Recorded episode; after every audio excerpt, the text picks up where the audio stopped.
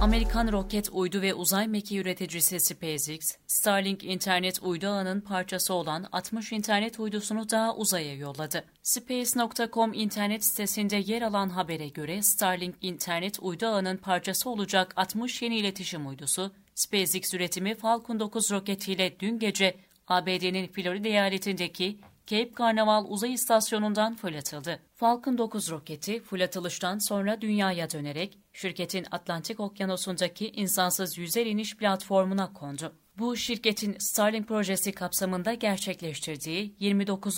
fırlatış oldu. SpaceX, Starlink uydularıyla dünya yörüngesinde 12 bin uyduluk ağ kurmayı planlıyor.